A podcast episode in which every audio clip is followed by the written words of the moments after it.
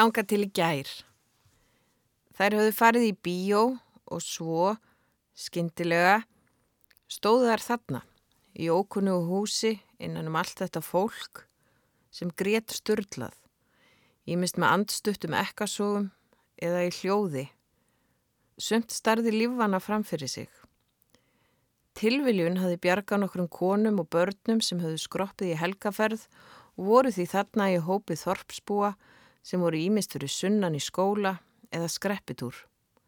Einhverjir höfðu verið jarðaför, aðrir á námskiði hjá Rauðakrossinum. Annars hefðu nöfnin sem presturinn lasu upp verið enþá fleiri. Þau voru mörg.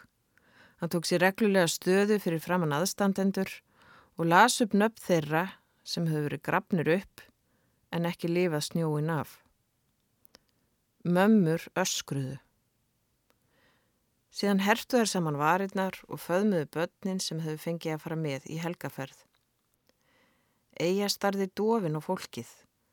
Aðstæðurnar gliftu manneskutnar þannig að hún átti ekki eftir að muna neitt deginum lengur og myndi hvorki konu sem starði göpnir sér á skólastól nýja barn sem þráspurðið tárvota konu um pappasinn og sískinni sín.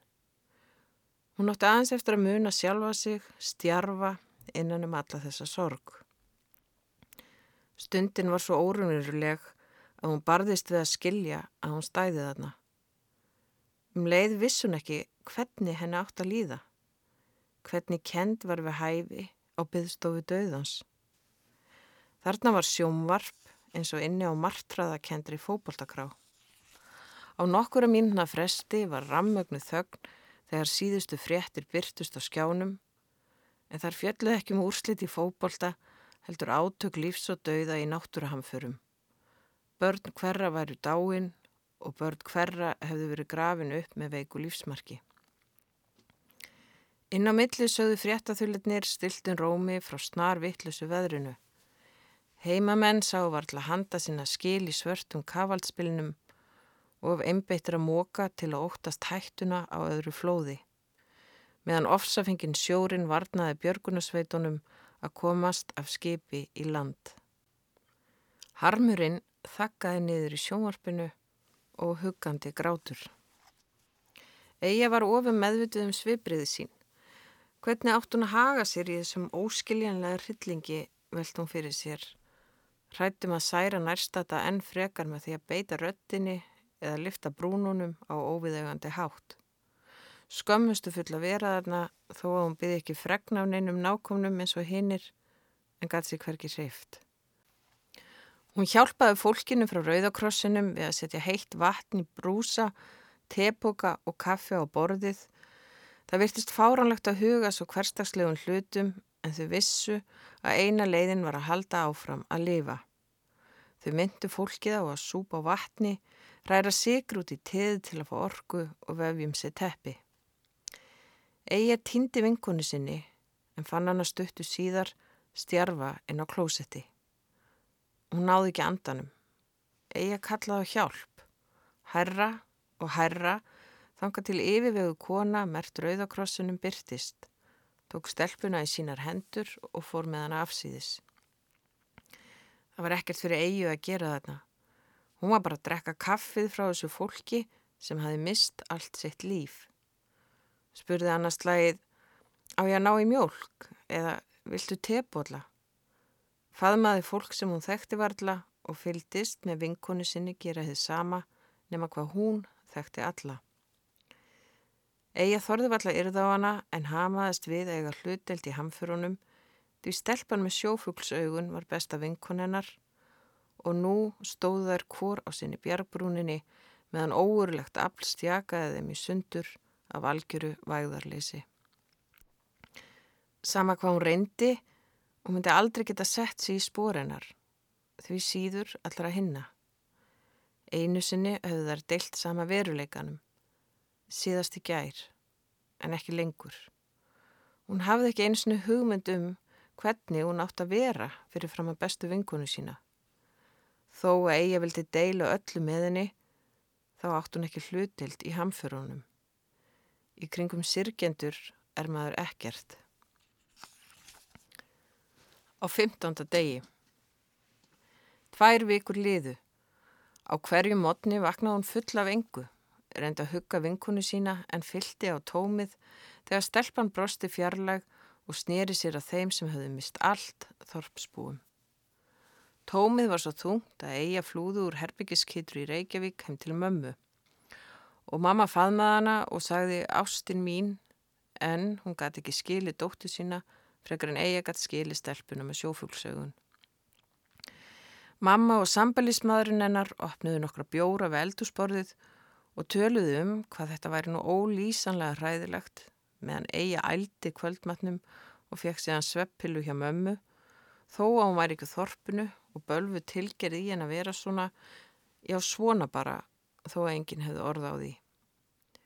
Eina leiðin til að fylla upp í tómið var að stíga inn á leiksviðið og fá hlutverk. Hún flög vestur á 15. degi tók sér stöðu við flæðilínuna modni þess 16. Allstaðar vantaði fólk.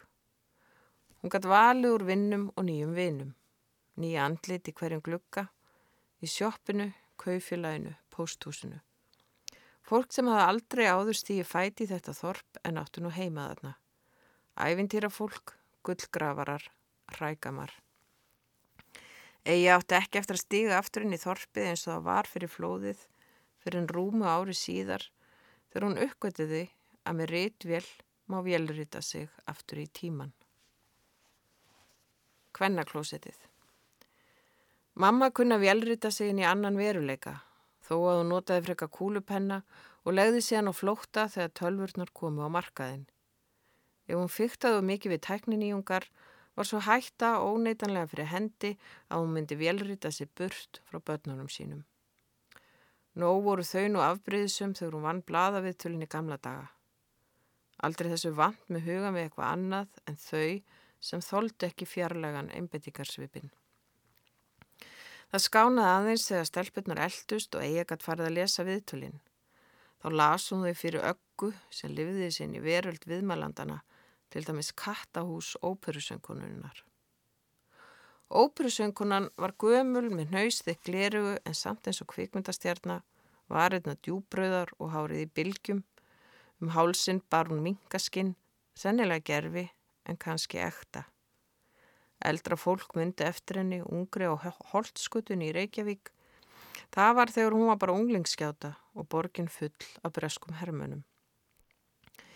Eitt daginn stjökuðu vinkonur söngkonunnar hennu út í glukka og skriktu þegar hún fór að syngja yfir hausamótum vekkfærenda.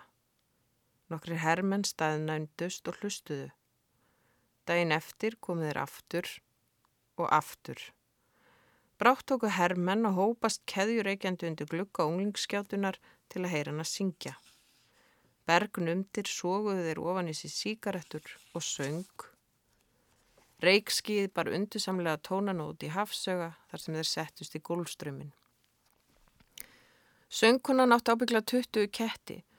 Hún var umkringt síjamsköttum sem horfið í kringu sig eins og hrókafulli lífverðir þegar hún söng. Stelpunnar þráðu að lifa lífin hennar. Hvoruð þeirra gætt sungið, aftur móti var ímislegt hægt með pennaveskun hennar mömmu. Skriffærin myndu á töfrasbrúta. Þær sköpuðu framandi heima og stigu inn í þá með barbidúkkunum sínum til að sapna síjamsköttum, syngja óperur og panta reglífa koktila af skrikkjóttum þjónum. Egið dreymdi um að búa einn bæði með köttum og hundum, þannig dæmdi hún sjálfa sér til að koma heim úr skólanum með tárin í augunum. Nefendunum hafi verið sett fyrir að lýsa sínu óska framtíð í hundra orðum og eigi orðið að allagi þegar kennarinn sagði að það er svo mikil ólíkt heima hjá henni með öll þessi dýr að enginn ætti eftir að vilja heimsækjana. Æ, hvað fólk getur verið innvila boring, dæsti mamma þegar hún þerraði tárin af eigu. Nú er ég bæði feit og vond líkt að mér, snökti dótturinn. Og strákunni sagði að ég væri tík því myndi bara eignast kolpa en engin börn. Ángan fína imba frans, þú vilt hvort sem er vera hundur, kýmdi mamma útsmáinn. Manstu þegar þið akka geltuði heilan dag? Já, myndið á brosti. Faðmaði mömmu sína, heita, hlýja, ilmandi, uppsprettu skilnings og ósannleikans. Manna færust í að sætta sig við orðin hlut. Hún hafi farið í fyrstu kvennagöngun á sínum tíma. Ung móðir, rétt byrjuði að lifa lífi mömmu sinnar nema án fjárhagslega öryggisins sem fylgdi því að vera gift miðaldra þjóðskáldi.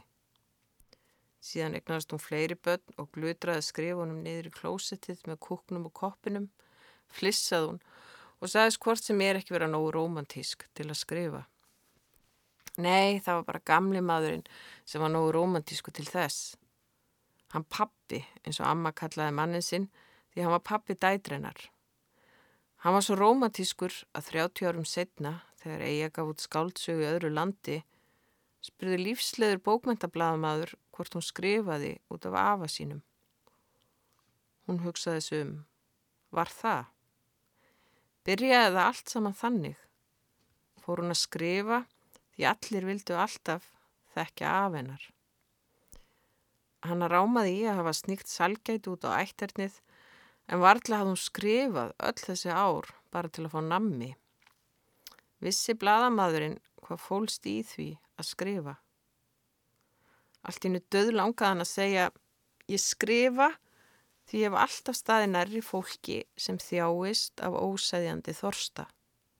Það þampar áfengi eins og kvítvóðungur brjóstamjölk og ég þrái að skilja af hverju. En ekki miskilja mig, ég er þakklátt þessu fólki. Það hefur gefið mér allt, án þess væri ég ekki ég. Hún sá fyrir sér hvernig bókmentablaðamadurinn lifti brúnum Snöggvast hlaupi lífi í líflösa tilverans. Eitthvað nýtt þegar hún segir Ég er ekki réttöfundur að því afi minn fekk bókmæntaverlun, heldur að því að mamma mín er alkohólisti. En hún sagði það ekki.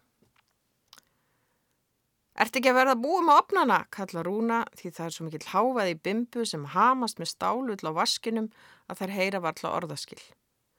Jú, segir Eija og reynir að hljóma ákveðin um leið og hún velti fyrir sér hvort bimba gangi um með stálull í vasanum. Rúna hlýtur að hafa komið með hana, kannski geymur hún pók af stálull í gerfi gútsíveskinu. Ha, hrópa Rúna. Eija reynir á þann þól rattbandana þegar hún kallar Jú, þú skal drífa það klárað á áður mamma en kemur með hressinguna. Já, ha, já, Þú veist nú meiri gufan, elskan. Manst ekki örgla að það er líka opnin á baði og inn í eldhúsi. Jú, hrópar Eija í þetta sinn velrænt. Áðan meðan frængunar hömuðust inn á baðherbyggi, laumaðist hún til að setjast við skrifborðið þar sem hún gróf stílabók undan hauga pappir. Þennan daginn var hún búin að heyra ómikið til að geta slefti að skrifa. Sama þótt hún geti aldrei skrifa neitt sem kemist í halvkvisti við slappasta auðlabrandara frængnana. Hún var full af engu, þessu engu sem vegur þingra en allt annað. Eina lausnin að gráta eða skrifa, alveg sama hvað. Mamma er líka full af engu, hreipa hún yfir í stílabókina. Svo hún fyllir á sig skreppur eftir hressingu. Snýr aftur með flösku í brúnum pappirspoka og síðu bortuskur í einum grænum kvelli. Allt svo skínandi fínt. Ég er búin að þekka mömmu mína síðan við vorum báðar stelpur. Hún myndi aldrei skrifa meðan aðri gera hreint. Allt átti alltaf að vera klappað og klárt áður en henni var sama um allt. Byrjaði með ken og gaf skíti að skrifa. Í lífunu á undan ken var eldurskólfi skúrað. Hundurinn sattur. Börnin fallega klætt. Það yngsta með reyna bleiu. Fjögur börn með reyna bleiu. Nema dægin sem konurnar fóru í bæin. Tveim áratugum áður en amma fór í bankan. Þau horðu niður dalinn. Gamli maðurinn tvísteg. Voru þær ekki að koma? Ef hann gæti myndi hann sperra eirun eins og hundurinn. Þau ætti að vera nógu stór. Hann fytlaði við eirað, strökk þumalputta á vísifingri niður vel rakaðar kinnarnar, rendiði með fram langru hökunni og kvildi þá á hökubrottunum, spyrjandi á sveip. Blá augun spekluði heiminbláman. Eigi stuttis upp við nýjans, daun illan þef af eigin saur, lagði upp í vitin á henni og vígalegt nefið á honum. Hún prófaði að anda í gegnum nefið hans. Með hverjum andadrætti smegði hún sér lengrin í gamalt höfuðið þanga til henni skildist að hún fengi ekki reyna bleiu og fylgist yfir þyrmandi örvendingu. Hann kunni ekki að skipta badni og ætlaði sér ekki að læra það. Þó að maðgunum hefði tekist að vélan til að passa í þetta eina skipti meðan það skruppi bæin til að fagna fyrsta kvennafrídeginum. Bara í tvo tíma lofuðu þær. Þær hefðu lofað öllu fögru en þó bólaði hverja bílnum. Klukkan löngu gengin yfir tilsettan tíma. Hvað átti þetta þýða? Hvar voru þær? Hvernig dættum í hug að hann geti passa bann? Hann liti órólegur á bannið sem geiblaði munnin, voru geiblunar undanfæri hlátur skrikna eða gráts. Hann strauk á sér höguna, ákaft eins og þráhyggjusjúklingur. Tyktur eru í stelpunum að heimta þær færu allar. Þú verður bara að passa, pappi, höfðu dætur hann sagt. Svo yngri flissandi í hippagærupelsinum með stríðni sklampa í ljósbrúnum augum og klút bundin yfir hárið, svo hakan með pétursporinu virtist enn skurulegri en ella. Hún yðaði af fjöri eins og alltaf. Svo eldri og ólíkt hægari með finlega áhyggjurhukku yfir nefinu í njásýðri grænröndóttir prjónapeisu sem annarkvart sýstrennar eða mamma hafi prjónað á hana. Þú getur þetta pappi, mamma er búin að skrifa allt á miða og stelpan er voða róleg, sagði eldri dótturinn. Já, hundurinn er hjá ykkur, sagði svo yngri, með pípu í glottandi munveikinu á leiðin inn í bílinn, farþega megin. Ættmóðurinn satt við stýrið, reyðubúin í bæjarferð með hattin á höfðinu og elskulegt en ákveði brós á vörunum. Rauðmáluðum eins og finnpúsaða neglutnar sem hurfin í bílahanska úr geitaleðri. Síðan var liðin óra tími. Þarna húktu þau, strönduði einsemt, afinn, barnið og hundurinn. Ráðalus án kvennana á heimilinu. Voðalegt af þeim að æða þetta. Þau höfðu staði á hlaðinu síðan klukkan sló halva tíman. Allt frá því batni og hundurinn kláruð úr sigukarinu með diggri aðstóð af hans sem vissaðans eitt ráð til að hugga batn, gefa því gottir í. Hann bjóst ekki við að það myndi kúka á sig, alveg búin að stengleima að börn kúkuðu, áhugaðlaus með öllu um líffræðina í manneskunni. Klukkan slæðir heila tíman. Ef einhver skilur að konur vilji kjósa og halda upp á sinn kostningarétt, er það hann, skáldið sem hefur ólgað á rótækum hugmyndum síðan hann lærði að ganga, á æskuheimilinu hinum megin við þjóðvegin. Hann hefur skrifað þykka bækur um stuttarðar konur og síðbuksum sem eiga hlut í bát og bjóða mannlífinu byrgin. Hann kann bara ekki að passa börnið þeirra á meðan. Hvað nú ef hann missi barnið og brítur í því beinin? Rétt dyrðist að lifta því úr borstofin út á stjætt, ná fölur þegar blóðið raugur höfðun af skjelvingu yfir óþefnum. Mannaskíturinn þumlungsbreytt frá tvítjakkanum hans ilmandi af kölnarvatni. Kanski var þetta mesta ögur stundin í lífans. Hann nötrað af hugaræðsengi þegar skeifa myndaðist á kringluleitu barsandlitinu. Var batnið að beigja af? Guð hjálpið þeim báðum. Svona, svona, eigum að dansa, kjökraðan feiminn og greipum bústnar barsandurnar, sveiplaði þeim varfærin og söng blíðlega Gengi inn um göngin hér, reki mig í kvörnuna, ég er eins og jólatré, ég er í hrefsnum dinni, ég er í hrefsnum dinni, ég er eins og jólatré, ég er í hrefsnum dinni. Skeifan kvarf. Kúkablött batnið hjalaði dansinum og hundurinn dinglaði rófunni, Þanga til hvenn gæðingarnir rendu upp hlaðið, hlæjandi og veifandi, ljómand af eldmóði og dásamleg kona stökk út úr bílnum og rópaði Ángan fína imba frans, mammi komin. Hundurinn spangólaði ofan í hamingu saman barskrát og afinn söng klátri. Vonandi væru ár og dagar í næsta kvennafrídag. Móðurmorð Mamma kifti óvart dögt róm en þar vestfyrsku láta það gott heita. Flaskan er opnuð, vögvin vætlar ofan í fjögu glös og Coca-Cola ofan í hann. Frjáls kúpa freyðir þegar sítrónusniðarnar bætast við. Mamma reytir af sér brandara, heiminn rópandi glöði yfir dásemdin í lífinu og búin að stengleima að henn hefði vaksir hengjerningin í augum nú síðast þegar hún vaknaði morgun. Skapið flögtir eins og hjá garranum sem tekst líka allur á loft þegar einhver opna flösku þó að hann hafi verið fölur af frigð augnabliki áður. Kvíðin vekur þau mömmu á mótnana, algleimið vakarðum í svefn. Í kringu þau sapnast fljótt saman flöskun með bort fylla glærum vökva. Þannig var það aldrei hjá mömmu. Hún sullaði bara í heimabrugjum helgar og fekk sér síðan býrúnd snafs með fínir í smatnum þegar hún kynntist þeim þíska rétt fyrir fallmúrsins og lögleðingu bjórsins. Þau skáluði betri bjór þánga til setna hjónabandið sprakk líka. Þá gerðist eitthvað, minnir eigu. Kanski svíku minnið hana Sistri mömmu fullurti að hún hefði reynt að spara við sér áfengið því henni þótt, hefði þótt nóg um anskotalætin í pappa eigu þegar hann staupaði sig tindur í eigin tilfinningalífi. En svo sagði pappi að það veri djöfulsins fjölskyldusamsæri. Mammenar hefði allatið held í sig ymsu öðru en heimabrugguður auðvinni og ært óstöðugan með móðusíkinni í sér. Alltaf á nálum út á öllu.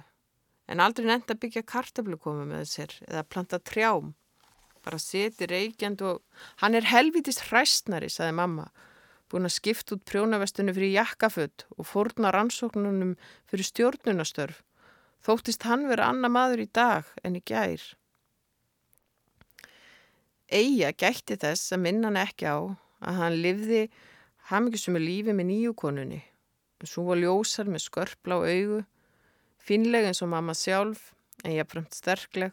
Tveggja barna móður utan að landi sem lifði fyrir að betrum bæta samfélagið í pólitísku starfi og gróði setja framandi plöndur í gardin sinn. Hún þóttist ekki heyra þegar mamma skoraði á hana að spyrja pappa sinn hver það hefði verið sem sprændi á rútu fulla af sendifulltrúum frá NATO hér áður fyrr. Egi að lokaðu augunum. Hanna loks sveiði í hjarta þegar foreldrarennar töluðu hvort um annað af samvinskuleysri bræði í eilífri skilnaðapolítikinni hvort öðru áfjáðara í að hún kinkaði samþykjandi kolli eins og hún kunni nú vel við þau bæði sem voru rétt af unglingsaldri þegar barnauppeldi rann saman við partískildu 8. áratugarins þó ólíkt ábyrgari en frumburðurinn á þeirra aldri. Ef þau vildu bara skilja og hún hefði ekkert meint með því þegar hún baktalaði þau bæði hvort var annað, þrá bað hún út í loftið og brendi holdið á upphandlegnum með síkarettuglóð, nokkuð sem hún hafi lært af ökku sýstu sinni. Garrinen er aldrei að fela flöskunar. Upp á síðkasti hefur mamma líka gefist upp á feluleikjum.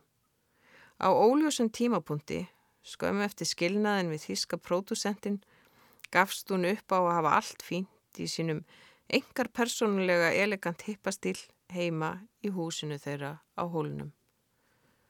Flöskurnar staplast upp fyrir augum allra því þau eiga það sameilegt að vera heiðarleg í sínum lífsmáta, sammæltust þau garrin um á dögunum, stuttu áður en mamma hendi kertastega eftir dótturómyndinni með þeim orðum að hún væri spýtt út á raskatinu á smáborgarannum föðu sínum. Síðan brast hún í ákáðan grát, saði Garrin, sem hafi sittið eftir hjá Tengdó og huggað hann eftir fremsta megni með því að bæti glösin. Eigi vildi óska að það veri hægt að hugga þau með einhverju öðru, en veit ekki hverju, svo hún segi bara skál. Það er bimba ætla líka að fá sér smá slettu, þó að eiga sér nánast hægt að fá sér nema til að hugga aðra. Hún gerði kvíld á gengdarlösu djamminu um það leiti sem hún varð eiginkona. Það er hann sem flækist um nætulífið, einmann og úlfur í leita bráð, meðan hún situr heima og til klukkustundirnar samvisku sem er svo bókaldari þegar hún skráir þar í kladda reikniskilana. Nú verður hún að læra að drekka almennilega, segir skíðadrottningin og fátt í stöðunni nema gegna ef hún vill vera kona með konum. Eða er hún kannski bara kall?